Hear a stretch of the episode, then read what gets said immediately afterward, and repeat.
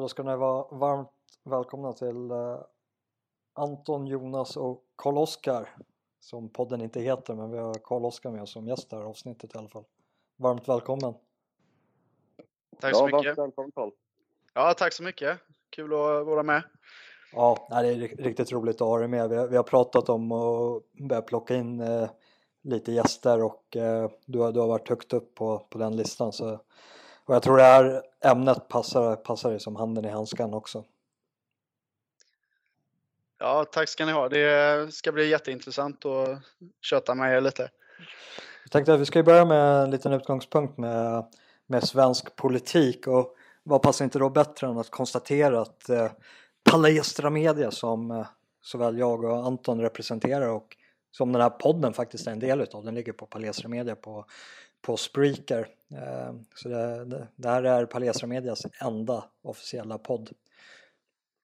Har släppt en ny eh, dokumentärfilm, eller en ny gammal. Eh, och den är nygammal i det avseendet att vi släppte en svensk variant utav den här dokumentärfilmen i somras som fick ligga ute i två, tre veckor innan Youtube censurerade den. Och den bröt mot eh, Youtubes eh, riktlinjer fick jag, fick jag veta via ett eh, e-post varpå jag överklagade det beslutet och de gick in och gjorde en ytterligare manuell granskning och jag får till tillbaka ett svar att ja, videon bryter visserligen inte mot våra riktlinjer men vi anser den ändå vara olämplig så vi behåller censuren. Och eh, nu kan man ju bara spekulera i vad det bottnar i förutom där att det, det, det är ju ett rättsövergrepp i någon mening. Men det är att filmen handlar om det svenska socialdemokratiska stödet till eh, ANC under apartheidtiden och eh, det får väl sättas i relation till att det var innan valet och eh, svensk socialdemokrati har väl eh, varit i dialog med Youtube som jag förstått det och utövat påtryckning över vad det för eh, videor de ska tillåta i Sverige som de anser vara lämpliga. Och det här drabbade ju också SDs dokumentär om sossarna där eh, SD kände sig nödgade att på att sossarna är de riktiga nazisterna som också blev censurerad men den eh, släppte ju faktiskt Youtube-censuren på och eh, gav tillbaka vilket de inte gjorde med eh, våran dokumentärfilm. Så det vi har gjort nu är att vi har gjort en engelsk version utav den så vi har gjort om den lite och lagt en engelsk voice och ändrat några scener och eh, publicerade den igen och vi publicerade den idag och eh, för några timmar sedan och den är väl uppe i 1500 views nu än så länge. Så för er som vill eh, ta del av eh, nutidshistoria, 80-talshistoria över eh, hur Sverige smugglade miljontals med kronor ner till apartheidmotståndet via den svenska diplomaten kan gå in på Palestra Media på Youtube och så är det den senaste uppladdningen som ligger där. Över till dig Anton. Ja, eh, intressant. Eh, jag tänkte, det är lite kul idag för vi kommer ju gå från väldigt lågt till väldigt högt. Vi kommer börja som sagt med att prata om svensk politik. Sen kommer vi prata om Friedrich Nietzsche då. Och någonting som jag tycker är intressant är eh, och som är aktuellt är att Sverigedemokraterna har släppt kravet på utträde ur Europeiska unionen. Och det är ju ganska monumentalt egentligen, för jag kommer ihåg alla de intervjuer där Jimmy Åkesson har sagt att när han gick med i Sverigedemokraterna 1994 så var det EU-trädet som var hans huvudfråga. Eh, har ni läst någonting om det här? Ja, han, han har ju eh, sagt det i princip i varenda intervju liksom som har med hans initiala eh, politiska engagemang att göra. Eh, jag minns den här eh, intervjun, han eh, Steffo Törnqvist och hon är, vad hon nu heter den här konstiga, Jenny Strömstedt. Eh, när de var hemma hos han där i det här programmet och det skulle vara så mysigt och sådär och de frågade han om hans politiska engagemang och då var det ju väldigt mycket just fokus på EU och ja, att han motsatte sig överstatlighet och hit och dit. Och, eh, det man funderar över nu är ju lite grann vad, vad ska Jimmie Åkesson ta vägen liksom? Blir, ja, det, blir det AFS nu kanske? Ja, för det, för det ligger ju någonting i den eh, sverigedemokratiska nationalismen. Den har ju inte varit bottnad i eh, biologi, alltså att det finns en eh, svensk stam som ska värnas i och med att de har den här öppna svenskheten. Så den har ju förklätts i att ja, men svensk nationalism är att vi ska bestämma över oss själva och där vi kan tolka som eh, ett form av medborgarskap. Och det måste ju sättas i kontrast till den överstatlighet som eh, e EU-institutionen är på väg att utvecklas mot. Varpå de har haft ett tydligt avstamp att vi är eh, motståndare till den här unionen. Vi kan tänka oss europeiskt samarbete men det ska ske på liknande villkor som till exempel Norge eller Schweiz har. Men vi ska inte ta del av något framtida federationsbygge som vi tolkar det här. Så det, det är ganska intressant. Så vad, vad har det partiet kvar som är nationalistiskt fall nationalismen vare sig tar sin utgångspunkt från folket, det svenska folket eller tar sin utgångspunkt från att eh, värna den nationella suveräniteten från överstatlighet? Alltså det är väldigt relevanta frågor. Och det som var min, alltså det som var min första tagning på det här, det är den här diskussionen man kan ha om politik kontra metapolitik. Där politik är någonting eh, där man bara helt enkelt förhåller sig till det som redan existerar, där man bara verkar inom det system och de ramar som redan finns uppsatta medan eh, metapolitik går ut på att utvidga de här ramarna och öppna upp nya, nya fronter för att kunna ta sig an nya frågor eller titta på gamla frågor på ett nytt sätt. Och någonstans så har ju SDs roll inom politiken eh, haft en lite dubbel potential för man har ju som parti varit man har bara genom sin blotta existens bedrivit någon form av opinionsbildande arbete där man genom att sitta i riksdagen och delta i processerna eh, har öppnat upp för människor att tänka annorlunda om, eh, om frågor som rör nationalism, folkidentitet och så vidare. Eh, och, och även mindre profilerade och tongivande frågor som EU till exempel. Men jag, jag försökte surfa runt bland lite SD-företrädare, deras Facebook-sidor, försökte hitta pressmeddelanden och så vidare där man där man på något sätt skulle försöka rättfärdiga det här eller förklara varför. Och då gick jag ju självklart till den ständige chefsideologen Mattias Karlsson som, som förklarar sin syn på det här i ett vanligt, sedvanligt nattligt Facebook-inlägg. Ja, det... och, eh, alltså, jag, jag, vet inte vad man ska, alltså för vi bara ska pausa där innan du får fortsätta, alltså vad man ska säga när man ska ta reda på ett partis politiska utgångspunkt genom att eh, ta den företrädaren som, eh, ja i det här fallet Mattias Karlsson, som går in på hans privata Facebook. Ja, det, det, är ganska kul faktiskt. Man behöver ju aldrig så här, man behöver aldrig riktigt fundera två gånger över vilket som är den bästa källan för SDs politiska inriktning. ST.se eller? På att det, inte är.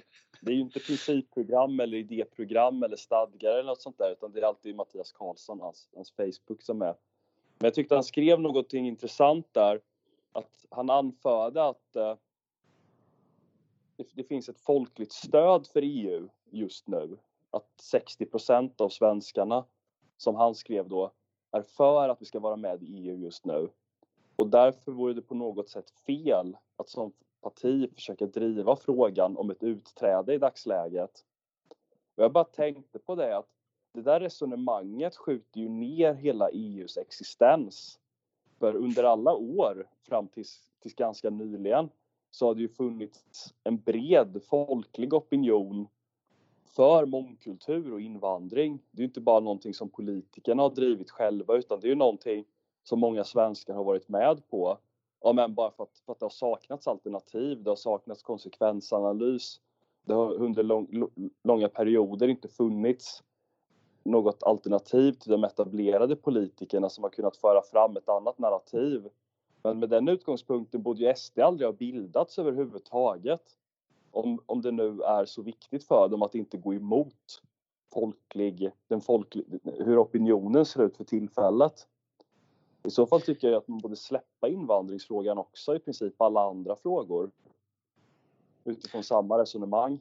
Ja, jag, jag instämmer där med Antons resonemang. Jag, jag tycker det är, alltså det, det, är väldigt lustigt också när man kollar på vad de här olika företrädarna säger då att ja, men då har man istället då en strategi av att man ska på något sätt reformera eh, EU inifrån då så att det gynnar Sverige i en, ja, i en högre utsträckning än vad som är fallet idag. Men då, då tänker man ju lite grann på att EU-projektet e som, alltså som sådant redan i sina ansatser, i alla fall sedan man gick ifrån grunderna med att det skulle vara en ekonomisk union då, det har ju varit ökad centralisering och eh, försämrade rättigheter för de olika nationerna och sådär. Och det är väldigt märkligt att man ska reformera, eller att man vill, säger sig nu i alla fall, och vilja reformera en organisation som i sina ansatser borde stå tvärt emot då den här nationella ansatsen som, som SD har sagt att man företräder. Men nu är det ju ännu mer förvirring vad man egentligen står för. Så jag, jag kan inte mer än instämma. Jag tycker det är ja, nu, nu, finns det ju väldigt lite saker kvar att uh, hålla fast vid om man är en SD-anhängare på det sättet. Får man, får man prova en annan infallsvinkel och se att det egentligen inte handlar om EU eller eh, e EU-valet? Att eh, de har ju haft en uttalad ambitionen nu när alliansen har spruckit med Liberalerna och Centerpartiets stöd till en socialdemokratisk regering så har ju Jimmy Åkesson uttalat sig att eh, de gärna ser att ett konservativt block bildas där SD i framtiden kommer ta en eh, ledande roll. Och eh, skulle det här kunna ses med de pragmatiska ögonen att man försöker minska bryggorna till Moderaterna och KD på de frågorna som SD anser inte spelar någon större roll realpolitiskt. Alltså SD har gjort analysen att det spelar ingen roll realpolitiskt vad vi är för eller emot EU för vi kommer inom eh, den närmsta framtiden, alltså kanske tioårsperiod i alla fall i en sån analys, vara med i EU oavsett vad vi tycker om den frågan. Så därför gör vi avkall på den för att bara minska friktionsytan mot eventuella samarbetspartners på det inrikespolitiska planet. Du menar att det finns en genuin strategisk dimension till det hela? Nej, jag, jag, tror att jag ger dem alldeles för mycket.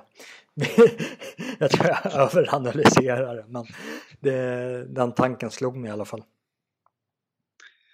Men eh, kan... ett motargument är också liksom att det, det, är en sån stor skillnad mellan EU-politiken och den politiken man för i EU-parlamentet och vilka grupper man är med i EU-parlamentet.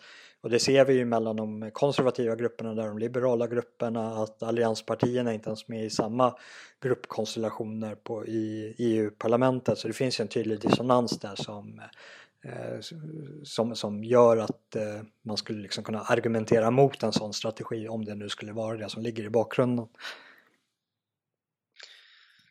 Ja, så skulle det ju kunna vara. Sen, sen tänker jag så här att det kanske är ännu mer twistat att de försöker locka liberala väljare kanske.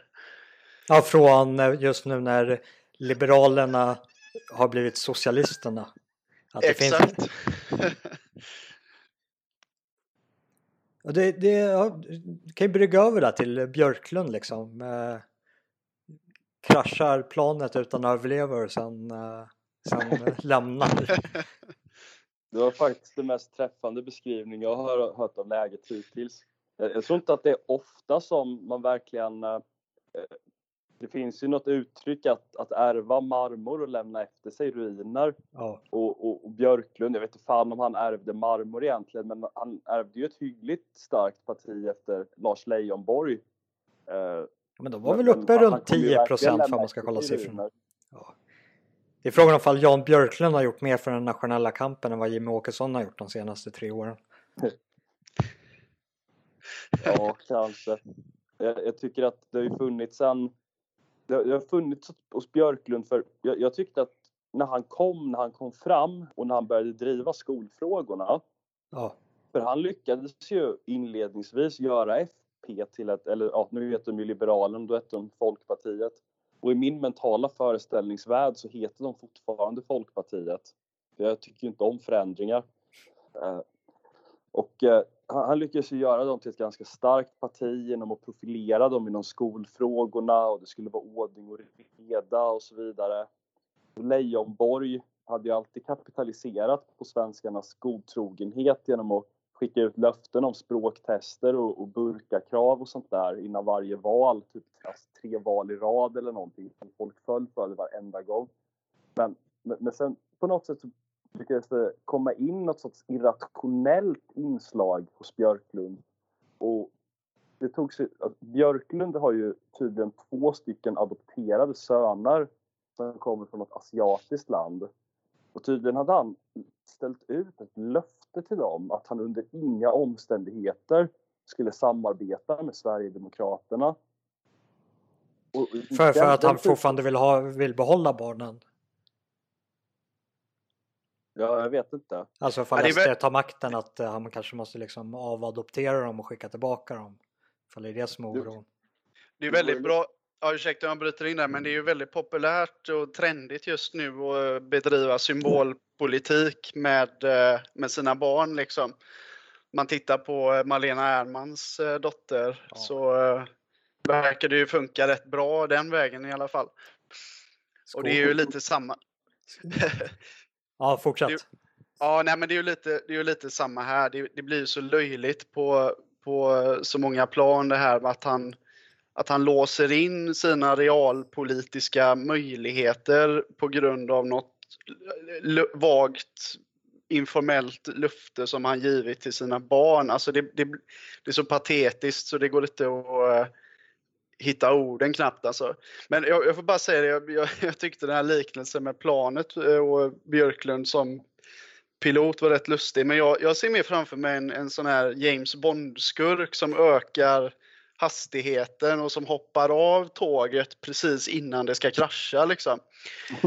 Och, äh, men det, det är så jäkla märkligt. Då har man strulat liksom i ett helt kvartal med den här regeringsfrågan och i princip lämnar han ju efter sig en olöslig situation för sitt eget parti då, men också för regeringen egentligen. Man ser ju det redan nu. Det har ju inte gått några, många veckor liksom, men man ser ju det redan nu att det, det håller ju på att fall, falla isär och folk hoppar av och eh, det är väldigt märkligt liksom hur man kan gå så starkt in i den här politiska riktningen och sedan bara helt frånsäga sig ansvaret. Det, det, det, är väldigt talande på något sätt på hur vår, samtid, eh, vår samtidspolitiker fungerar tycker jag.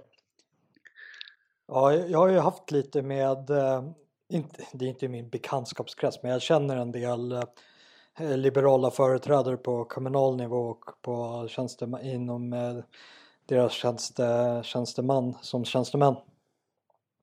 Och eh, tidigare så har de alltid kunnat gömma sig bakom borgerlighetens liksom ovilja till att vilja samarbeta med SD. Och eh, kunnat liksom förklä sig själva i någon form utav vad de skulle betrakta som en hedlig liksom skrud, vilket det inte ens var då. Men det är liksom fallit platt på något sätt. Det finns inget borgerligt alibi längre från att inte samarbeta med SD. Och jag tror det blir väldigt, väldigt svårt för de här äh, tjänstemännen och politiska företrädare på alla nivåer inom det partiet att faktiskt stå bakom det här beslutet. Så jag, jag har svårt att se hur, hur de ska hämta hem det eh, i, i närtid. Alltså de har ju tappat i väljarstödet men jag tror att de eh, kommer nog tappa tjänstemän och politiska företrädare också som utav kanske karriäristiska skäl söker sig till något annat borgerligt parti. Och det är ju frågan också nu vem det är som ska, ska efterträda Jan Björklund. Och det kan ju vara antingen någon som eh, ska försöka skademinimera det som har hänt men det, ver det verkar inte som det får man se vilka de diskuterar just nu i alla fall. Eh, Malmström eller det här eh, Semben i, jag kan inte uttala efternamn, vad, heter hon? Eh, Sabuni heter hon Ja, Sabuni, ja, ja precis. Mm. Och man kan ju bara hoppas att det, att det är henne som de väljer. Jag tyckte det var lite lustigt för det var inte jättelänge sedan som Björklund var inblandad i en väldigt infekterad strid med eh, Birgitta Olsson om fortsatt ledarskap.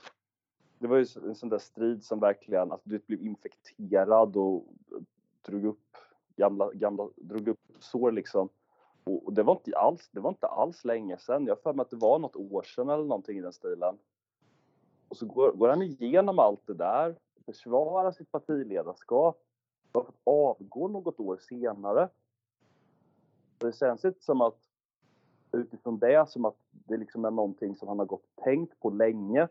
För med tanke på att han ändå gjorde sig besväret att, att förhindra sin rival att ta makten och själv sitta kvar då så måste han ju ha planerat att sitta kvar betydligt längre. Så det här är ju någonting som måste ha uppkommit hos honom förhållandevis nyligen. Ja. Och det, det, är liksom, det bygger också på det här med, med oansvar verkligen. Det vore ju en sak om han redan för något år sedan hade planerat att jag kommer avgå eh, någon, någon, period efter valet helt enkelt. Men det här, i det här, nu verkar det ju mer som att han har bara, äh, jag orkar inte, någon annan får lösa det här. Jag blir diplomat någonstans istället. Ja, för de hamnade ju i en väldigt knivig situation där, alltså även innan den här januariöverenskommelsen.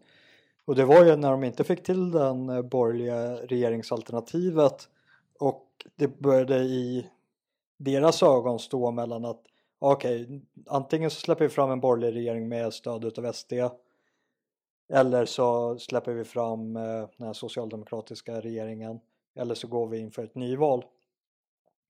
Och eh, vare sig att ha SD som stödparti eller nyval var ju på kartan för Liberalerna på grund utav dels opinionsmätningarna men sen också de ekonomiska musklerna som partiet satt på. Så de riskerar ju redan ett uh, utträde i form utav uh, i händelsen utav ett nyval. Och så väljer de då att ja, sälja sin själ till, uh, till Socialdemokraterna varpå de kraschade ytterligare i opinionsmätningarna. Mm, precis. Så har du någon framtidsprognos där innan vi hoppar in på ämnet som vi alla har väntat på? Uh, min, min enda framtidsprognos är väl egentligen att det, och det är en prognos som jag har haft under flera års tid nu, men det är ju att eh, eh, det finns ju inte plats för både Centerpartiet och Folkpartiet, eller Liberalerna. Utan något av de partierna måste ju ryka helt enkelt. Och jag har alltid uppfattat det som att det kanske var sen, eh, Liberalerna som stod lite, lite starkare men det, det kanske bara är så att det här stålbadet som jag länge förutsett och hoppats på kommer att komma nu och att det kommer att drabba Liberalerna. De har ju varit nere på 2,7 procent tror jag att det var i den senaste mätningen. Ja, helt underbart. Vad tror du Karl? Nej men jag, jag, delar väl den uppfattningen liksom. Det är, antingen så kommer ju Centern eller Liberalerna att försvinna på sikt och det lutar väl mot att Liberalerna är de som drar det korta strået just för att de har ju inte heller de ekonomiska musklerna som Centern har. Man ska ju komma ihåg att det är ju ett, det är väl riksdagens rikaste parti om inte jag är helt ute och cyklar. De sålde ju av, de sålde ju av massa tidningar för x antal år sedan och de har en jäkla partikassa så de både, både vad gäller eh, Alltså de kan, de kan ju locka till sig karriärslystna tjänstemän och eh, personer som vill lajva politik och sådär. Så att jag, jag, tror att de personerna som är Liberalerna idag, många kommer att gå över till Centern helt enkelt och så kommer de att försöka, försöka anpassa sig i den miljön helt enkelt. Och, ja, Centern kanske hittar någon eh, liksom ny hemmaroll där någonstans som en brygga mellan de ja, traditionellt borgerliga partierna och vänsterblocket vi har. Alltså även i framtiden. Och det är väl inte helt, helt olikt historiskt sett för vi går tillbaka några, några årtionden. Nej, exakt. Centern har alltid haft en konstig mellanroll där. Men jag tror bara att det finns, det får, finns bara plats för ett extremliberalt parti om man nu ska använda det uttrycket. Det finns liksom ingen anledning att det, det är konstigt egentligen att det ska finnas två stycken nyliberala partier. I synnerhet om man kollar på deras ungdomsförbund och LUF och, och SUF mm. som, som liksom driver samma typ av extrema nyliberalism och ja, verkar vara överens om det mesta egentligen. Det verkar märkligt att det skulle finnas liksom två separata organisationer. Centerpartiet så visst, de har, de har den här gamla bondebasen men de, de driver ju inga landsbygdsfrågor längre och de har inte gjort det på länge. Ja, ska vi, ska vi gå över till, eh, till nästa, nästa segment? Vi går från lågt till högt. Ja. Nej, jag, jag, jag, jag, tror att eh, vi... Jag tog kanske så här händelsen i förväg när jag presenterade Karl genom att bara presentera honom som Karl. Jag tror, jag tror ja, att du, du, du förtjänar lite mer, eh, mer utrymme och jag tror jag lämnar över det ordet till, till dig själv. Att du, du får ta några minuter och eh, informera de lyssnarna som inte redan är bekant med, med dig och eh, vad du huserar på, på nätet. Det kan jag väl absolut göra. Eh, nej men jag har skrivit på skrivit på Motpol i eh, några år. Eh, har försökt att försökt att bidra med lite, lite idédebatt och lite inlägg och um, lyfta vissa frågor som jag tycker riskerat att hamna hamnat i skymundan i eh, uh, dissidentsfären. Och, uh, med, med blandat resultat ibland tycker jag. Och sådär. Uh, inget jätteambitiöst projekt så sett, men det är väl det som är min ansats i det i alla fall. Och sen så har jag ju Ja, jag har ju historiebakgrund. Jag vet ju att ni två är statsvetare här så att eh, eh bringar jag lite balans med lite historisk eh, stadga här då. Eh, nej, jag har ju skrivit en del också sista tiden på eh, Skandinavisk frihet. En gång i tiden skrev jag på Kontra, gamla, gamla högertidningen. Eh, kommer från ett libertarianskt håll så har en ganska ganska gedigen, eh, vad säger man, gedigen, eh, eller gediget intresse i den typen av idéer. Eh, tycker inte om en för stor stat. Eh, ja, och så har jag väl lite, lite andra högeridéer också då. Eh, och så har jag ju suttit med och börjat podda nu sista tiden då, bland annat i eh, kontraperspektiv då.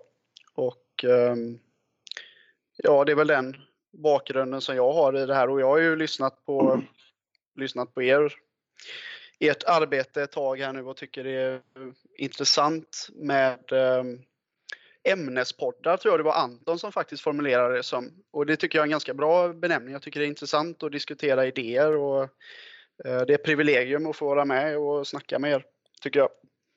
Ja, du är mer än välkommen. Ja. Jag kan ju passa på att tipsa läsarna om att du har skrivit en jäkligt bra aforismsamling också som heter Tankar bortom röken.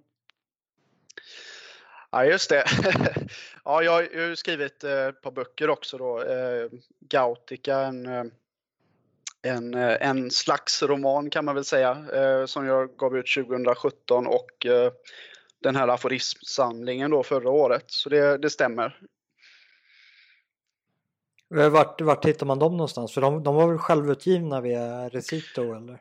Ja precis och eh, jag har en del kvar i mitt eget lager så just nu finns de inte ute i handeln men jag har lite eh, planer på att eh, eh, ge ut en ny utgåva så att eh, men blir man intresserad av att ta del av dem så kan man alltid kontakta mig. Så det, det är den vägen som gäller. Vart gör man det någonstans? Det kan man göra via sociala medier. Jag finns på eh, Facebook och Instagram och eh, även på eh, en, eh, en liten hemsida. Den är inte riktigt klar ännu men det kanske vi kan kanske vi kan slänga ut senare. Jag kan ja. inte boksta bokstavera det riktigt. Jag, men, jag, jag, lägger en länk i beskrivningen till programmet här under till, till Karl på både sociala medier och till, till hemsidan. Det blir jättebra. Och eh, vi, vi möts ju här någonstans. Eh, Nietzsche är ju en ganska stark historisk eh, figur som har diskuterats mycket över hur eh, stor eh, påverkan hans idéer har haft på ganska stora händelser. Alltså första världskriget är ju något utav, alla, framför, i alla fall från det lärosätet jag kommer ifrån, ett utav de eh, mest intressanta ämnen att diskutera ur ett historiskt perspektiv. Men det ligger ju också till grund för mycket statsvetenskapliga analyser till eh, varför vissa konflikter uppstår och eh, just första världskriget är ju en av de konflikterna som i alla fall eh, eh, de allierade har tillskrivit den maktfilosofi som kommer från den tyska aristokratin. Ja, jag vet att Bertrand Russell skrev ju den här stora filosofihistorieboken och så skrev han faktiskt i kapitlet om Nietzsche eh, angående tyskarna då att det är Nietzsches lärjungar nu som släpper bomber över London, eller kanske var med andra världskriget då. Jag kommer inte ihåg exakt, men det var någonting av så här tyska, tyska bombpiloter var Nietzsches eh, efterföljare. Ja, de droppar Nietzsches aforismer. Grejen med att de där bomberna som föll, alltså det är ju samma smärta som du infliktar mot någon idag fall du drar ett Nietzsche-citat till valfri socialliberal människa. Speciellt i liberalpartiet i norr. Mm. Ja, jag är lite nyfiken, särskilt eh, Karl. Vilken är, vad har du för relation till Nietzsche? Eh, min relation var inledningsvis ganska eh, den var ganska, den var fylld av antipati kan man säga. Jag, det, det, är lite lustigt, jag skulle åka upp till Stockholm på, ett, eh, på en konferens med jobbet för, eh, kan det varit tre år sedan. Och ehm, på tåget upp så sitter jag och pratar med min kollega som eh, är hyfsat beläst och införstådd i det mesta liksom. Och så frågar han mig då som, som läser mycket och sådär. Ja, vad tycker du om Nietzsche? Och då säger jag det att jag faktiskt inte läst någonting om Nietzsche. Jag har ju bara läst lite ströcitat här och där och Eh, min bild var väl inte jättepositiv. Jag hade ju den här föreställningen om att det var en eh, lite grann en edgelord liksom som slängde ut sig eh, invektiv mot allt och alla och hans eh, mamma och syster tog hand om honom hemma och sådär och han var, han var sjuk och, och skör hela sitt liv och sådär. Och det var min, det var min, om man säger, för första, eh, första bild av Nietzsche då.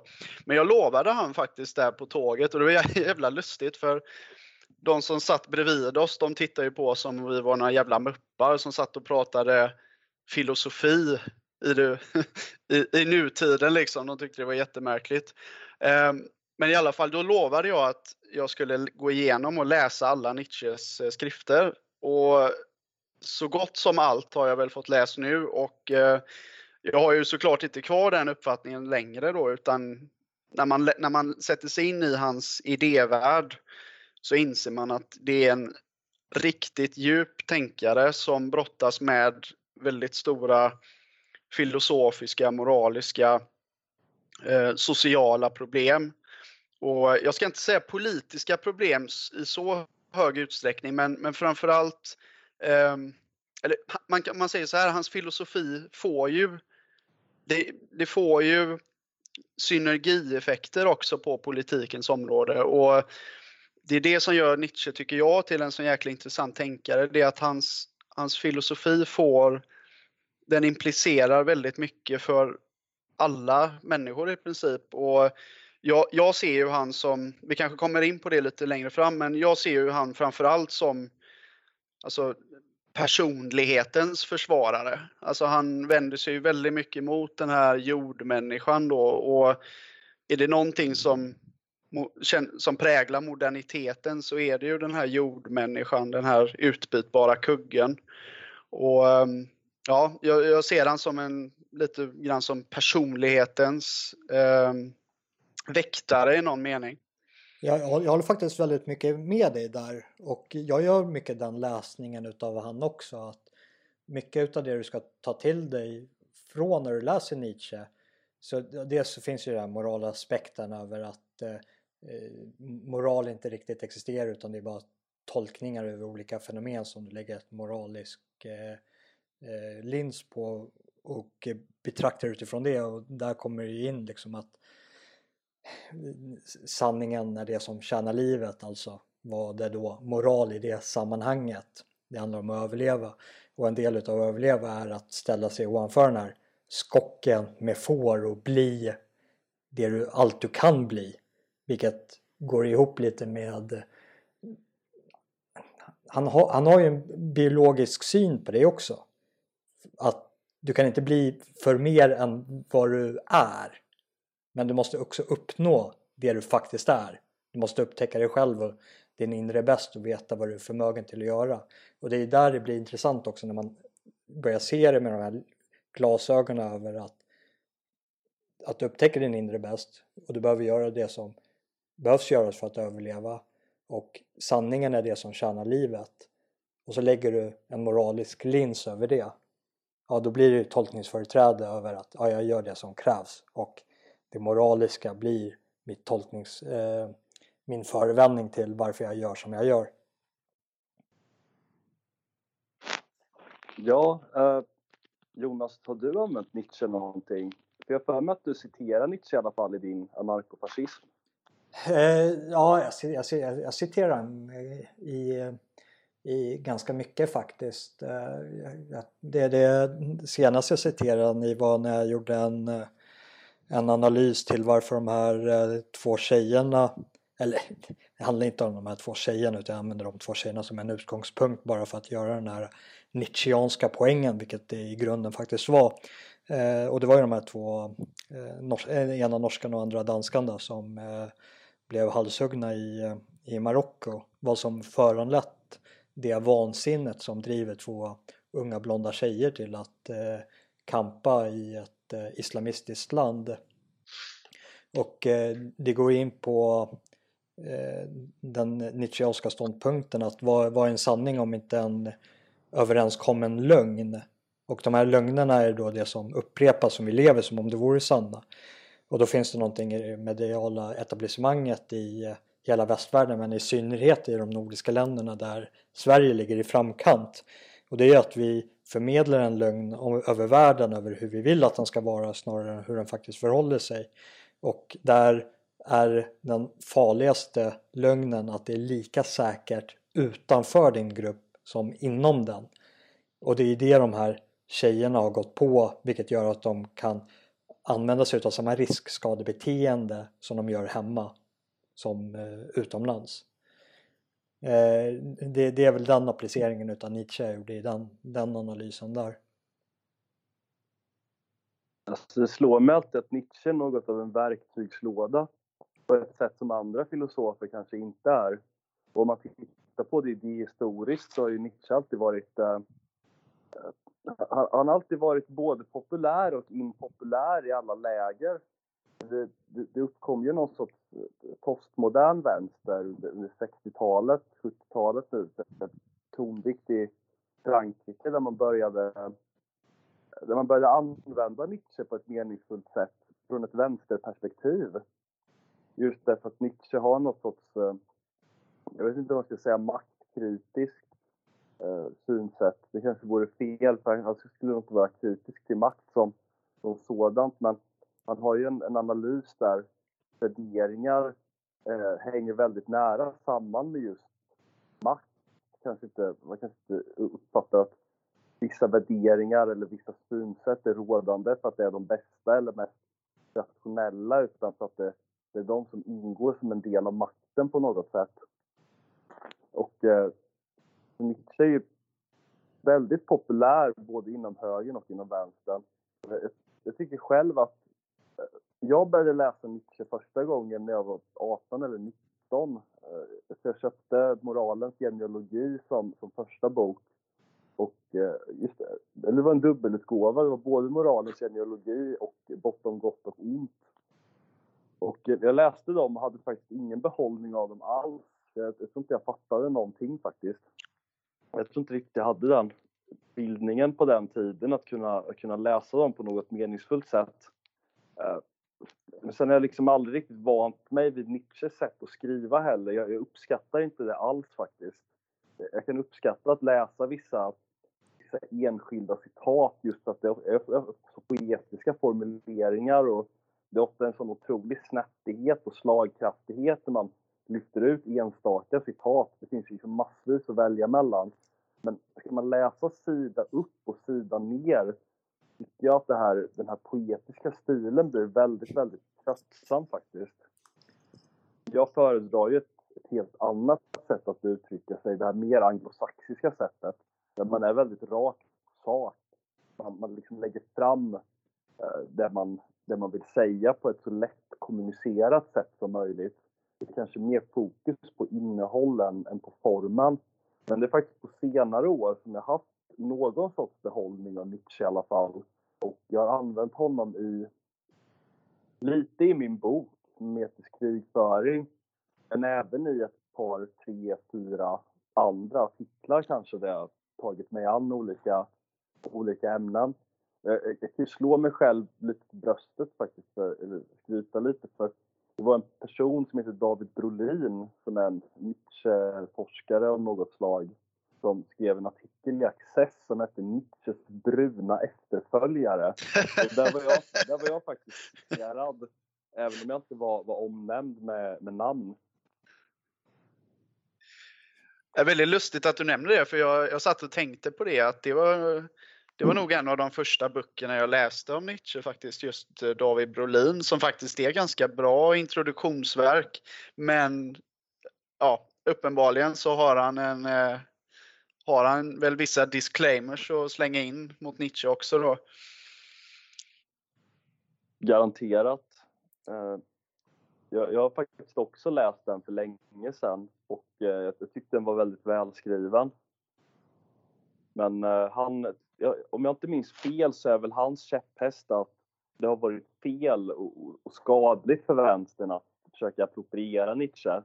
Att det har varit lite som att, jag vet inte, som att en, Eh, som ett, ett stort monster käkar upp någonting som är jäkligt giftigt och, och liksom blir sjuk i gengäld.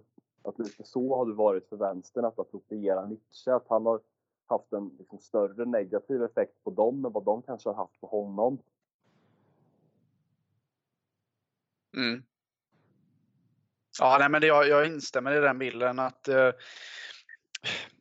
vänstern har ju inte riktigt, eller delar av vänstern ska man väl säga med exempelvis eh, Foucault och det spåret har ju haft väldigt stor behållning av Nietzsche. Han var ju, han var ju väldigt insatt i eh, i eh, delar av Nietzsches tänkande ska jag säga som rörde just maktanalys och perspektivistiskt tänkande och så vidare. Men det, det är ju lite intressant då för som, som vi var inne på lite tidigare då att han, han Alltså hur kommer det sig att han kan användas av både högern och vänstern? Och jag skulle ju säga att det beror lite på att Nietzsches ansats faktiskt var tvåfaldig. Alltså han, dels så gick han ju ut för att förstöra vad han såg som en eh, övervintrad moralisk eh, struktur eller system men han nöjde sig inte med det utan han försökte också hitta ansatser för att skapa en ny struktur, en ny värdehierarki.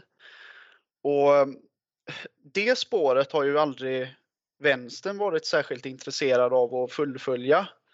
Och eh, då, då, då syftar jag primärt på eh, tragedins födelse, hans första, hans första publicerade bok, Nietzsche, då, som han gav ut eh, ja, det var väl strax efter eh, Tyskland hade enats och allting var jätte Ehm, allting var frid och fröjd på det politiska och det militära området men kulturellt så tyckte många att det fattades något och det var ju där som Nietzsche tog vid då och försökte hitta någon slags väg framåt.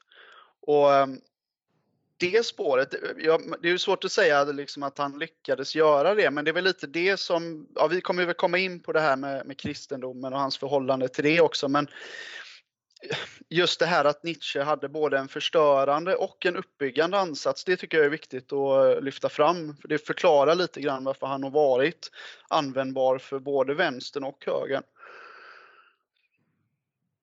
Ja, exakt. Jag har ofta tänkt på det ibland, för jag, ändå, jag tror ändå jag läst en, ett halvdussin Nietzsche-böcker åtminstone. Och han är faktiskt ändå en hård karamell att svälja, även för, för högern.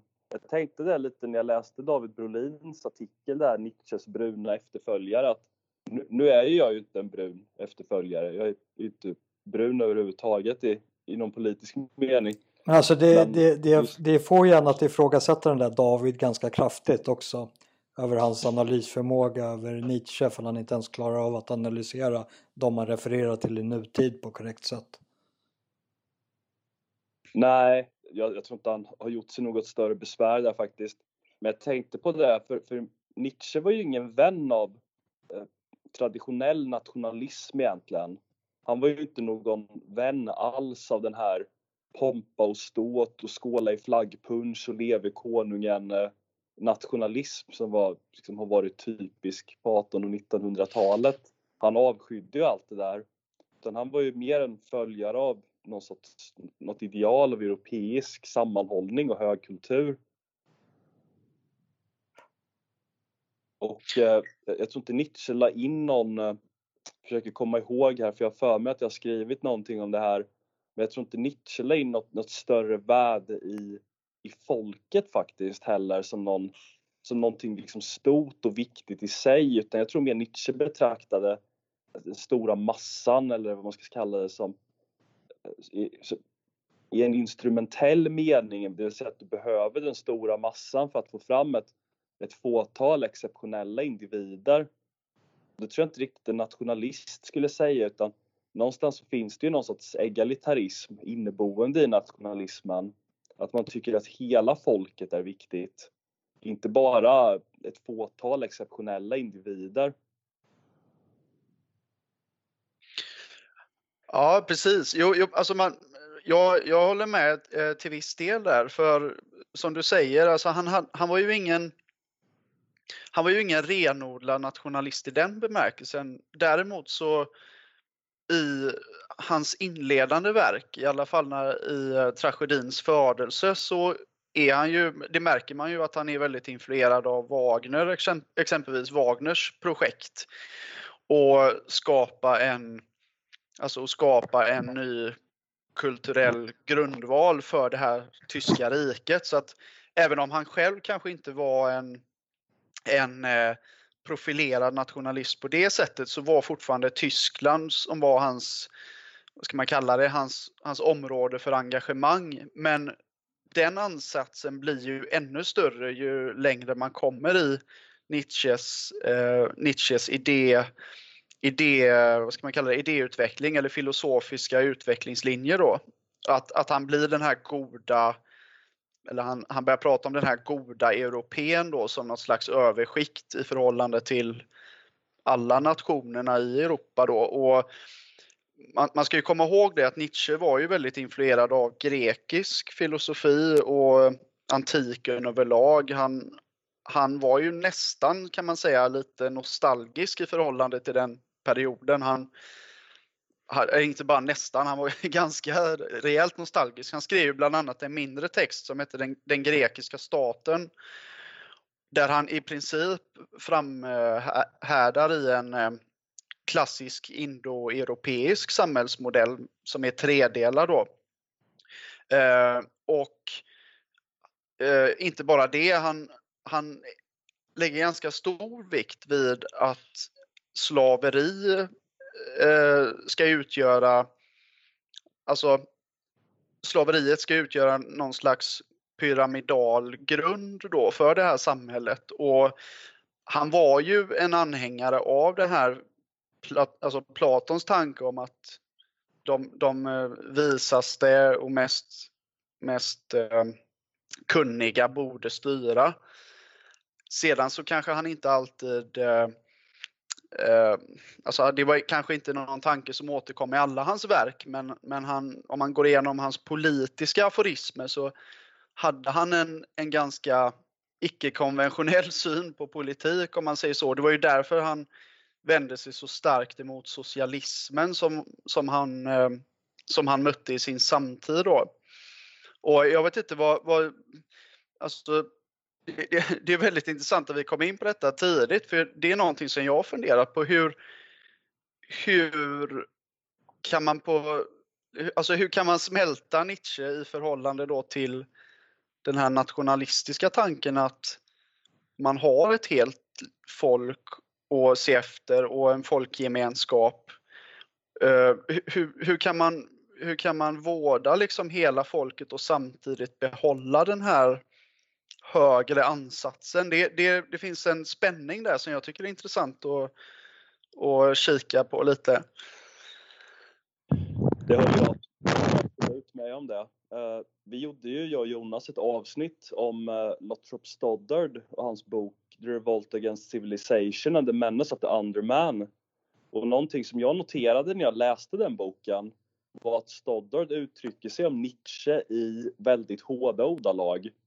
För det som Stoddard uppfattade ju var att Nietzsche föreställde sig någon, eh, någon liten avgränsad elit som eh, liksom klänger på en, på en stor rutten massa liksom som inte riktigt så här, som är helt, helt nedgraderad och inte riktigt förmår någonting egentligen. Eller inte så mycket i alla fall. Eh, och det blir den här skarpa uppdelningen mellan den här eliten då, den stora massan. Men det som Stoddard företrädde, det som liksom ingick i hans hygieniska projekt, det var att man skulle höja nivån på hela folket. Inte bara, en, alltså inte bara att man ska ha en liten grupp av aristokrater och sen en stor massa av slavar, utan man ska liksom höja nivån på hela folket så det blir en, en mer jämn, hygglig standard för alla. Så han uttrycker sig ganska skarpt, eller väldigt skarpt till och med om Nietzsche. ja, det, det han menar på är att en liten aristokrati kan aldrig hålla tillbaka den växande demografin utav den här större pöbeln utan den kommer liksom svälja aristokratin hel och dra ner dem till den minsta gemensamma nämnaren vilket blir då bottenskrapet snarare liksom än någonting som är förhöjt. Och det, det, där finns ju den här spänningen över att för den puben existerar ju i alla sammanhang, alltså det behöver inte ens läggas någon raslig dimension på det utan att eh, vi har ju vår form av jantelag som jag tycker börjar liksom försvinna i någon mening men att man ska kunna höja sig ovanför sitt eget kollektiv. Och eh, jag, jag, jag, tycker inte det nödvändigtvis motsäger det, det vad som är bäst för kollektivet eller den egna folkstammen över att faktiskt ha ett politiskt system eller en gemensam överenskommelse över att faktiskt inte vara den här Ja det finns ju en, en sägen med, med krabbor tror jag det är att när en krabba försöker liksom som de har hamnat i fångenskap blir fångad utav fiskaren så är det en som försöker kravla upp så blir den alltid tillbakadragen utav de som är där så man behöver liksom inte övervaka dem. Och det är där man behöver ha den här nietzscheanska krabban. Ja, just Bra det. jämförelse. Ja, det är en jättebra jämförelse. Sen för att vara lite, lite snäll mot Nietzsche också då i, hans, i den här ansatsen där man kanske ibland tycker att han överbetonar eh, elitens roll då så får man ju säga så här att det är väldigt svårt för folkflertalet att höja sig mot någonting om det inte finns förebilder. Alltså om det inte finns den här eh, aristokratin eller eh, meritokratin som är upphöjd. Alltså om det inte finns någonting att jämföra sig emot så, så kan ju inte heller folkflertalet höja sig. Och ehm, det tycker jag är en tanke som återkommer i många av Nietzsches eh, skrifter. Och ehm, han har ju en tanke som, som jag tycker är väldigt intressant och jag tror det är morgonrodnad framförallt som han utvecklar det. Det är att eh, det finns en tanke om att det högsta i tillvaron rättfärdigar det lägsta. Och alltså de, alla, all, alla målningar som man kan tänka sig, alltså från ett, eh, från ett dagisbarn till någon, eh, alltså som ett dagisbarn gör i förskolan, eh, till en, eh, en pensionär som är hemma och hobbymålar. Allt det där är liksom ur, ursäktat eftersom vi har Rembrandt liksom. Alltså det finns, no, det finns, en, det finns en skala. Och du, du samma sak med eh, om man tittar på om man tittar inom, inom politiken liksom. Alltså vi kan stå ut med Birgit Friggebo om vi har en Ian Wachtmeister liksom. Och det, det, det, det, alltså just den här tanken att det, hö, att det högsta rättfärdiga det lägsta. Det tycker jag är en väldigt intressant tanke att ha och man kan ha det som någon slags alltså som någon slags linjal och mäta utvecklingen i då genom att säga att eh, nej, men som att säga då liksom att har vi de här höga typerna i, i samhället kvar liksom, finns, finns det några uppburna personer som vi kan mäta oss emot. Och det är ju det som Nietzsche vänder sig emot då när han, alltså han vänder sig emot den här jämlikhetsideologin eftersom den vill ta bort den här jämförelsen. Alltså man, jämlikhetsideologin tar bort rättfärdigandet. Och jag, det låter säkert lite flummigt men jag tror ni vet vad jag menar. Alltså, jämlikheten gör att den här jäm, jämlikhetsideologin gör att den här jämförelsen inte är möjlig.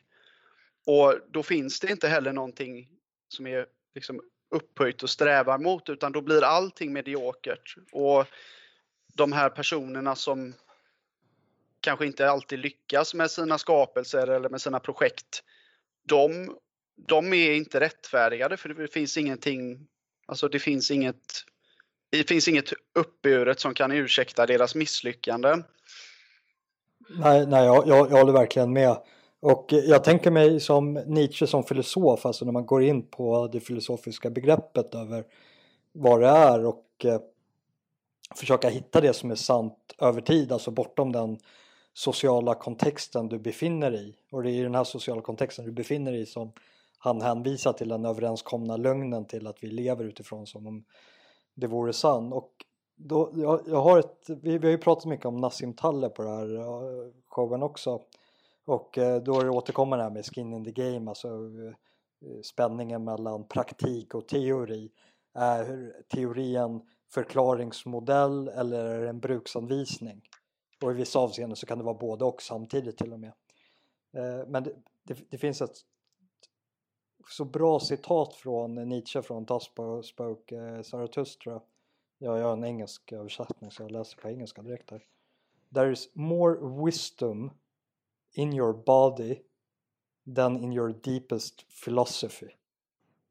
Och jag, jag, tycker den säger någonting i det avseendet över liksom skin in the game över att all teori utgår från det praktiska. Alltså du vet vad du behöver göra i den här situationen. Du behöver inte alltid hänvisa till det filosofiskt rätta, alltså i moralfilosofiska termer. Utan den visdomen är ingrodd i dina gener och du vet vad du behöver göra för att dina gener ska överleva till nästa generation. Och sen så finns det en annan som jag tycker nästan går mer i, i linje med Nassim Taleb ändå och det är att Of all that is written I love only what a person hath written with his blood. Write with blood and thou wilt find that blood is spirit. Alltså du måste ut och leva praktik för att dels kunna ha någonting att säga och ha någonting att skriva och föra vidare. Om du inte, och det, det går också in med det Nietzsche säger att du ska leva farligt. Om du inte lever farligt så kan du inte tillfoga dig ny kunskap för då är du ständigt i hemmets trygga vrå. Du är fortfarande i din moders barm och allting som existerar i den sfären är redan känt.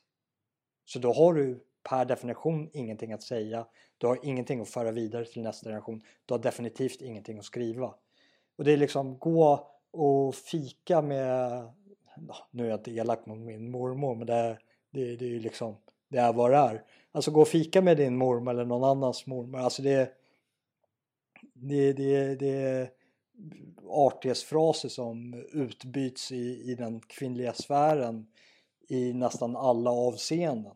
Just på grund av att det är deras domän. Alltså att fostra nästa generations krigare som ska bege sig bort från hemmet. Alltså ifall det är en man eller en kvinna så är de ju kvar i den miljön livet ut.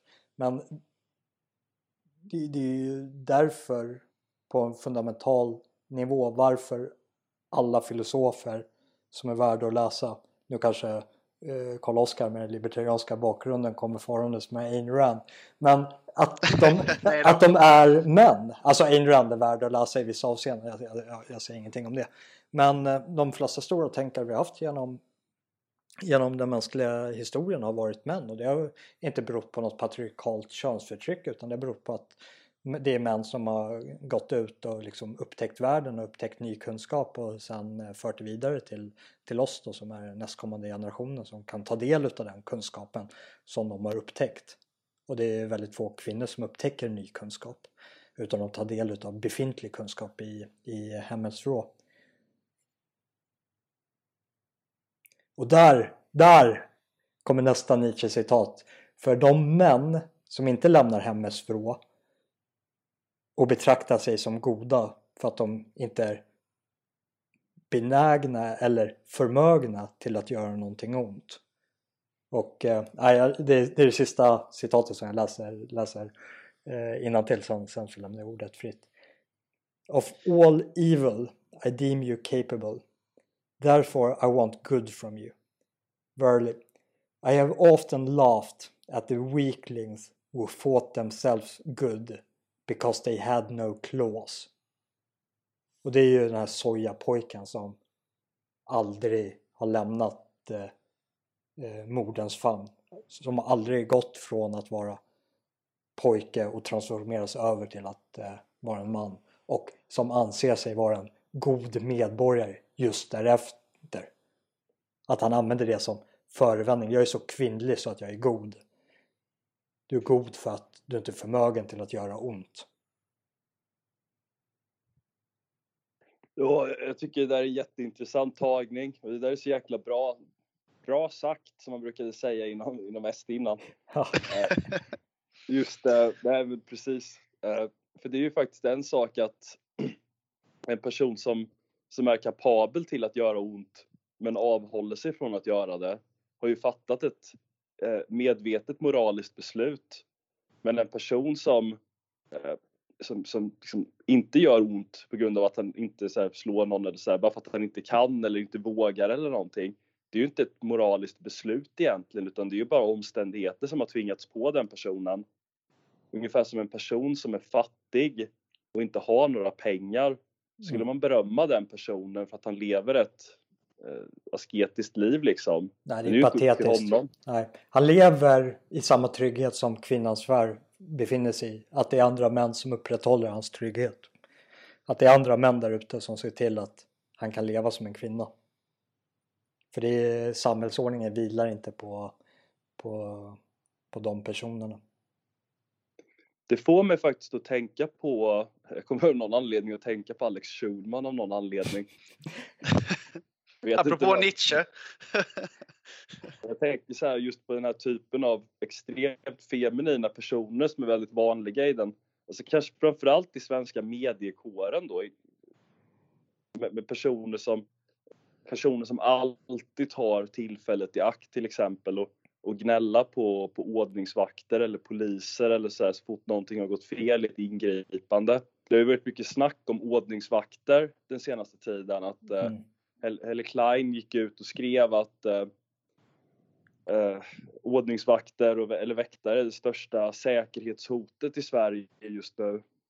Och jag, jag tänkte bara på det att det är klart det går fel i ingripanden ibland. Men samtidigt utan alla de här människorna som jobbar som ordningsvakter, väktare, poliser, militärer och så vidare och som har någon form av våldspotential som förhoppningsvis då ska användas vid rätt tillfälle. Så ja. hade inte alla de här jävla Alex Schulman och Helle Klein-typerna kunnat sitta på sina redaktioner och, och spy galla över personer i uniform. Vet du, hur man, varit... Eh, vet hur man upprätthåller ordningen om du saknar våldspotential? Genom manipulation kanske? Genom eh, vad, vad inom antropologin kallas för tend and befriend. Alltså du, har, ja. du har två alternativ. Som, och eh, det är här vi brukar lägga det här eh, perspektivet, det, det manliga perspektivet. Och det är fight or flight. Och det baseras ju på ja, är vi förmögna att eh, hantera det, den fiendeskap som vi befinner oss i, ja, då stannar vi och slåss och överlever genom den striden. Gör vi kalkylen att vi inte kommer klara av det, då flyr vi och överlever genom flykten. Men saknar du våldspotentialen så överlever du genom Tandem Befriend att oavsett vem det är som vinner den kampen så är du segraren till lags och därmed upprätthåller ordningen genom att underordna dig din nya herre. Så personer som Helle Klein som beskyller svensk ordningsmakt för att vara ordningsstöraren förlitar sig på en tandem befriend strategi till att upprätthålla en form av ordning. Alltså genom att gärna se svensk polismakt gå ut i no-go-zonerna med ett kafferep där de ska servera saft och bullar till eh, värstingarna som befinner sig där som kastar sten och eldar upp bilar. Att det är så vi ska hantera ordningsstörelser. Att vara dem till lags. Och därmed får, leva i ett fridsamt samhälle. Det får mig faktiskt att tänka på den här artikeln jag skrev för typ tre år sedan som hette Beyond the End of History. Uh, som, som jag skrev precis efter uh, de här terrorattackerna i Paris. Som, var, som blev en väldigt stor nyhet eh, där på den tiden. Och min Nietzsche, där hade jag viss Nietzsche-användning och det gällde just Nietzsches idé om den sista människan. The last man. Eller ja, den, den moderna människan i någon mening. En människa eller en man utan bröstkorg. Personer som, eh, ja men som svensken under folkhemmet egentligen. Människor som har tappat känslan för det här farliga och äventyrliga och, och, och manliga utan som bara lever för att, ja, men lever liksom djupt inne i vardagslivet på något sätt. Man, man går och köper saker, man går och, man går och gör någonting och sånt där. Ja. Det är liksom jorden på något sätt. Du vet fåren, the herd liksom. Och så finns det så här, finns det ingen hede här, ingen hede. Nej, väldigt jag, jag tänkte på det just att det, det är på något sätt så, på det sättet många moderna europeer är och förhåller sig till sin omvärld. Och det är ju det som har blivit så extremt paradoxalt med, med just invandringen då. Att där har man ju, det är som att man har haft en stängd fårhage egentligen. Där fåren har blivit väldigt liksom, fredliga och loja på något sätt. Och sen samtidigt så släpper man in eh, en massa vargar i den här, frivilligt släpper in en massa vargar i den här fårhagen som kommer från helt andra förutsättningar, eh, kommer från ett helt annat och mycket hårdare klimat. Det är ju som varje gång det är en terroristattack, att istället för att, för att spåra upp och döda de skyldiga, eller kanske till och med att liksom, ta ut ännu hårdare medel på det, så ska vi göra handhjärtan och lägga upp som, eller lägga upp så här olika nationsflaggor på, som Facebook, eh, på våra Facebook-profilbilder och eh, vi ska så här utlova mer, eh, mer demokrati och mer jämlikhet och mer förståelse och, och sådär. Mm. Jag tänkte inte på det när jag skrev det för, för jag var inte bekant med den terminologin men det är ju faktiskt det här tend and befriend beteendet. Ja. Det är ju samma sak, man kanske ska se en uppdelning. Det är som att varenda person liksom är, lever i nutiden är nivå med sista människan. Men uppenbarligen så är det så att väldigt många byråkrater, politiker, beslutsfattare och journalister har den typen av strategi. Just att ifall det blir upplopp i någon invandrarförort till exempel, så ska man istället för att skicka in de knäktarna som stod beredda med batonger och skottsäkra västar och gå in och säkra ordning. Då ska man istället skicka in kaffe och bullerpoliserna då. För att försöka liksom så här, bli vänner med dem på något sätt. Ja, annars blir det ju stökigt vet du. Då blir det ju bråkigt om man skickar in eh, knäktarna.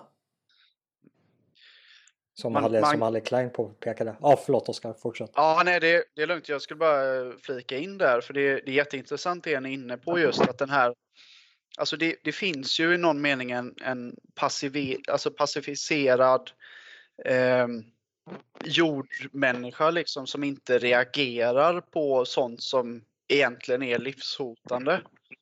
Och det är ju någonting som jag misstänker att eh, Nietzsche liksom inte hade tyckt var jättebra. Liksom. Det här att vi har personer i samhället som... Alltså det är ju bara livshotande för svenska män. Svenska kvinnor kommer ju föra sina gener vidare på att det är andra män som gör dem gravida. Ja, men det, jo, men... det är vår folkstam som dör ut. Jo, precis. Nej, men, och, och, på sikt så blir det ju hela Alltså det blir ju hela kulturens död i någon mening ändå på sikt. Liksom. Så att eh, slutresultatet blir ju detsamma. Men, men det jag skulle säga är ju att det här är ju så institutionaliserat från början. Alltså från det att man från det att man föds i det här landet eller i västerlandet liksom och så går man igenom hela utveckling, alltså hela utbildningsväsendet. Något jag tänkte på i anslutning till detta, det var jag såg eh, kan det varit Nyhetsmorgon jag råkade sappa förbi och eh, de hade något eh, inslag om, eh, om eh, gymnasievalet.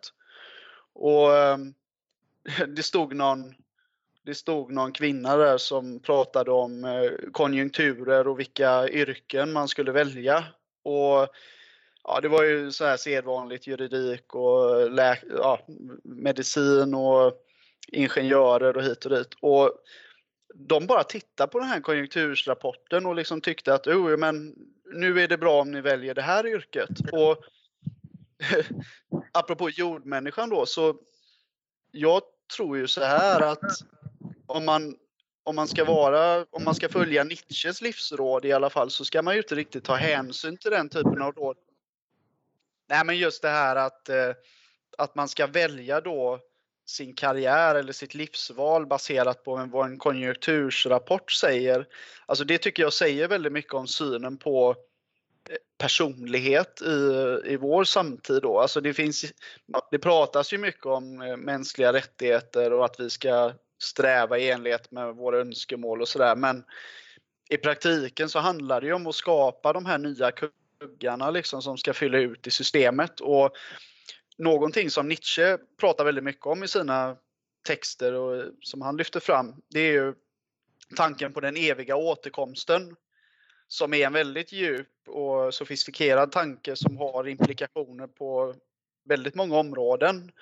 Eh, inte minst då på, på det personliga planet. Och jag vet inte om det är, är det så talade Zarathustra där han, han har någon någon eh, liknelse med, det är någon, det är någon loppa va, som kommer och talar om för en i, i sömnen att, eh, eller man drömmer i sömnen att eh, om du skulle vara tvungen att leva om ditt liv exakt så som du har levt det. Ja, det är, skulle... det är en demon som kommer i... Det är en demon är det ja, till och med. Ja, precis. I ja. Så talar Zarathustra. Så är det ja. ja. precis. Det är en demon som kommer och, och frågar, skulle du leva om ditt liv exakt så som du har levt det om du fick chansen att göra det igen. Och om du svarar ja på den frågan, då har du levt ett, då har du levt ett, alltså ett, ett liv som har varit livskraftigt och präglat av riktning och ett liv som i någon mening har värde. För ja, för, för det blir ju, frågan är ju liksom om du blir tvingad till att leva det här som en återkommande cykel Betraktar du det som en välsignelse eller förbannelse? Mm. Och den man som har levt farligt, tagit sina utmaningar, utforskat alla möjligheter som livet har att erbjuda så är ju det här en välsignelse. Men har du skamsen levt ett passivt liv där du har varit en betraktare och aldrig agerat och så kommer du bara se, återuppleva den skammen när du ser på dig själv de gånger då du borde ha agerat men gjort inget.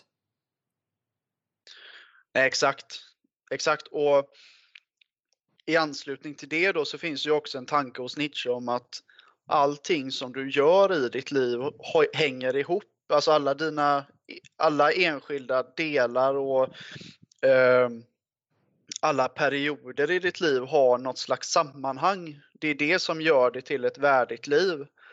Och tittar man på hans egen existens så som han levde så kan man ju verkligen se den här röda tråden och den här livsbejakande inställningen även då om han präglades mycket av olika sjukdomar och, och eh, motgångar så försökte han ändå sträva i enlighet med den här, ehm, den här livsfilosofin. Och det, det tycker jag är också väldigt intressant att lyfta fram just med Nietzsche då att det här, det här var en person som verkligen, verkligen levde som han lärde i någon mening. Mm. Och Ja, jag vet inte vad ni tycker just om Nietzsche som Nej, jag, jag, jag, jag tycker jag, har tagit med mig mycket eh, utav det här och speciellt eh, från, från det citatet också över vikten för varje individ att faktiskt utforska sina möjligheter att agera och gå på dem.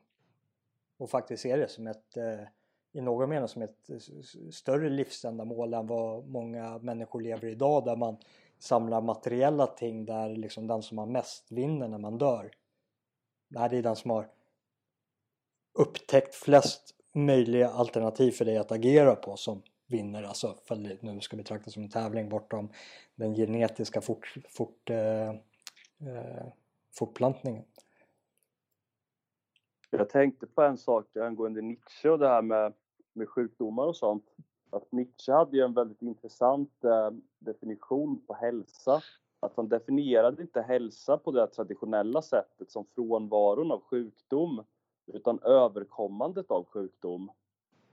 Det vill mm. säga vilka, att en individ som eh, en individ som möter väldigt stora svårigheter i något avseende och lyckas överkomma de hindren eh, är, är i den meningen på något sätt friskare än en person som, som inte har det. Därför att det finns någon sorts där hos Nietzsche om det här med kamp och överkommande och så vidare.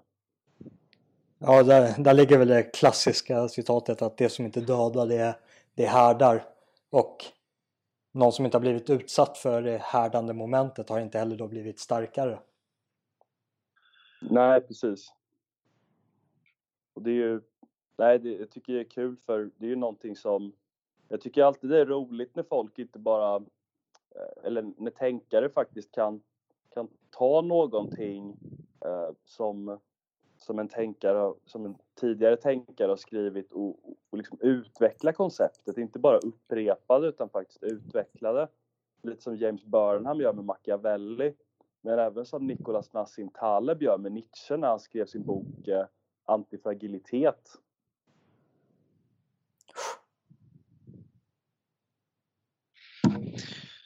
Ja, eh, något, något som jag tänkte passa på att fråga, vill ni att vi eh, går in lite också på Ehm, jag tänker just Guds död-tanken och det här, det kan, kan vara lite intressant att belysa det också. Absolut. Det var ju en väldigt stor del av, av Nietzsches tänkande och det är nog för, för de allra flesta det han är ihågkommen för också, skulle jag gissa i alla fall. Ja precis, jag, jag kan väl bara flika in där då att eh, det finns ju en ja, det, de flesta som hör Nietzsche de tänker väl just på det här den här frasen då just om Guds död och eh, att, det, ja, att det kan förstås väldigt rättframt. Det, det, kan det väl i någon mening göra om man, om man inte sätter sig in så mycket i Nietzsches tänkande överlag. Men när han utropar Guds död så, ja det är väl första gången är det väl i ehm, är det den glada vetenskapen tror jag det, han gör det. Ehm, så gör han inte det särskilt triumfatoriskt. Alltså det finns ingen, det finns ingen glädje i det konstaterandet eller det utropet utan det som det, det, det, är ett, det är ett utrop som för med sig stora konsekvenser. Och det är ju någonting som även eh, Dostojevskij spann vidare på väldigt mycket då just det här att tanken att om, om, om Gud inte finns förstådd som ja, antingen då som, som konkret person av vissa eller som ett metafysiskt eh, eh, som något metafysiskt eh, överordnat eh, sken av något slag. Då är ju allting tillåtet. Och Nietzsche såg ju möjligheterna i detta. Inte då att göra precis vad som helst i meningen eh, att exempelvis eh, att det inte finns några värdehierarkier som håller borta mördare eller pedofiler utan det har ju funnits andra system utanför kristendomen som har tyckt att sådana saker varit dåliga. Liksom. Men det som han är inne på då eller det som blir följdfrågan efter konstaterandet att, med Guds död då, det är ju att vad, vad kommer istället ungefär. Va? Och det är ju någonting som Nietzsche brottades med ja, i princip i hela sin, under hela sin filosofiska och sin aktiva bana. Och ehm, jag vet inte, vad, vad tycker ni där just om det här nihilistiska spåret där? För då, vi kommer ju tillbaka till det här då med Nietzsche som förstörare och i någon mening någon, någon som försöker anlägga någonting. Vad, vad, har ni för, vad har ni för tankar där just om, alltså lyckas han peka i någon riktning? Eller öppnar han bara dörren för det här nihilistiska eh, hålet? Eh, vad jag personligen uppfattar nog Nietzsche mer som en sorts eh, vägvisare än en, som en förstörare egentligen. För det verkar lite, det verkar lite mäktigt på något sätt att liksom lägga kristendomens kollaps på en enda man. Jag vet för flera år sedan så läste jag en, en, någonting som har förblivit en favoritbok och det är Erich Fögelins eh, bok, eller alltså, det är en samling av uppsatser då, som heter Politik, gnosticism och vetenskap. Men där pekas ju Nietzsche ut i, som, som ja, är en konceptualisering av det som Fögelin då kallar för gudsmodet inom filosofin. Vilket, och, och där liksom hela idén om Guds död ingår på något sätt och att Nietzsche på något sätt skulle vara ansvarig för det här. Men som jag uppfattade i alla fall så är ju, har ju Nietzsche mest ett, ett väldigt skarpt väderkorn egentligen. Att kristendomen höll ju på att kollapsa av en mängd olika anledningar som liksom inte hade någonting med Nietzsche att göra och som han inte kunde påverka. Och när jag säger kollapsa då, det kanske låter lite magstarkt för kristendomen är ju fortfarande det är fortfarande en aktiv religion. De kyrkliga institutionerna är fortfarande ganska kraftfulla. Men när jag tänker kristendomens kollaps så tänker jag nog i termer av kristendomen som någon sorts dels stor berättelse och dels absolut sanning som man bara föds in i på något sätt utan att behöva reflektera närmare till att idag, om någon blir kristen, så är det mer en del av ett personligt identitetsbygge. Särskilt i, i Sverige och, och nordiska och eh, västeuropeiska länder så blir det på något sätt, även om man är djupt kristen, så det blir ändå en, ett personligt beslut och del, del av ett personligt identitetsbygge snarare än någonting man man bara kommer ut i och som finns färdiglagt där från början. Jag betraktar Nietzsche som, inte som en förstörare utan som en vägvisare som försöker upprätta vissa principer som en individ kan förhålla sig till i ett läge där det inte finns någon stor berättelse längre på samma sätt som, som jag antar att du har gjort tidigare. Mm. Ja, jag, jag, får bara, jag får bara jag, absolut, jag håller med Anton i ditt resonemang där i, i, i, i stora delar. Jag vill bara förtydliga att min syn på Nietzsche då just i förhållande till eh, utropet om Guds död, då menar jag mer på kanske att han är han är, han är läkaren som kommer till platsen och konstaterar att, att Gud har avlidit. Liksom. Det är han inte den som han är inte den som utför mordet utan det har, det har varit en process emot den händelsen, om vi uttrycker det så då. Ja, jag, eh. jag, jag, tänkte inte på, jag tänkte inte, eller menade inte att, att det var du som påstod det. Nej, nej, nej. nej. Det, det, det är idéer som jag tycker mig ha, ha sett hos, hos andra mm. personer som kommenterar Nietzsche. Jag tror inte att det är en helt ovanlig uppfattning. Nej, nej, nej, det är det absolut inte. Det är det absolut inte. Sen så, sen så håller jag också med om att, att det, det, är liksom det är inte konstaterandet om kyrkans död eller kristendomens död i sin helhet utan det har med snarare då att alltså det här konstaterandet att som sammanhållande som sammanhållande tradition för eh, dåtidens Europa så, så, så är det dött liksom. Det, det är väl mer det, det spåret att det, man kan inte utgå från kristendomen som ett eh, nej men underförstått axiom längre i någon mening då. Utan det blir det, blir det här, det blir en splittring, det blir ett vakuum. Och det är ju där som på något sätt då den här nya, eh, eller det är där som trådarna släpps ut igen på något sätt. Alltså vad är det som, vad är det för berättelse som tar vid efter det då? Ja, vill, vill, du ta vidare där Anton? Uh, gör, gör, gör en liten avrundning på det för vi, vi har passerat vår, uh, vår tidsintervall här lite. Uh, ja, jag, jag, vet inte om, jag, jag tror jag hade, hade, sagt faktiskt vad jag hade att säga på den, på, på just, den, på just det ämnet. Eh, men om, om vi ska avrunda på någonting så Nietzsche är en otroligt komplex tänkare som man kan tala om i all oändlighet. Han är ju älskad och hatad på ett sätt som, som jag tror att få, få tänkare är. Men det jag tar med mig är framförallt att Nietzsches filosofi väldigt mycket är en verktygslåda där man kan hämta ut, man kan lyfta ut centrala koncept från olika böcker och, och spinna vidare på. Jag tror Nietzsche själv eh, sa att eh, någonting i stil med att det finns eh, befruktade tänkare och befruktande tänkare. Och de befruktande tänkarna, det är sådana som, som skickar ut huggskott framförallt kanske, som kan plockas upp av, av andra. Och det är väl lite så det har blivit med Nietzsche någonstans, att många av hans idéer har ju eh, spunnits vidare på av andra. Jag har själv använt Nietzsches koncept vid fyra, fem olika tillfällen. Oh. Och det, det, det, det, det, det är så... många bättre personer som har gjort samma sak. Oh. Nej, nej det, det, är helt rätt liksom. Man, man märker nu liksom, vi, vi, har vi har bara skrapat på ytan. Det, det har varit lite ostrukturerat också hur vi har gått till angrepp mot, eh, mot Nietzsche. Men det, det, det, man skulle kunna ha en programserie om man... Men eh, det är så, sättet som jag använder Nietzsche är att jag har ju, har ju tagit, eh, varje gång jag applicerat det så har jag applicerat eh, någon form av hans aforismer på, på någonting empiriskt och liksom kontextualiserat det och se hur kan man betrakta det utifrån den här eh, linsen. Och det, det är ju lite inne på, på din avslutningspunkt där också. Och det har jag en väldigt stor behållning för.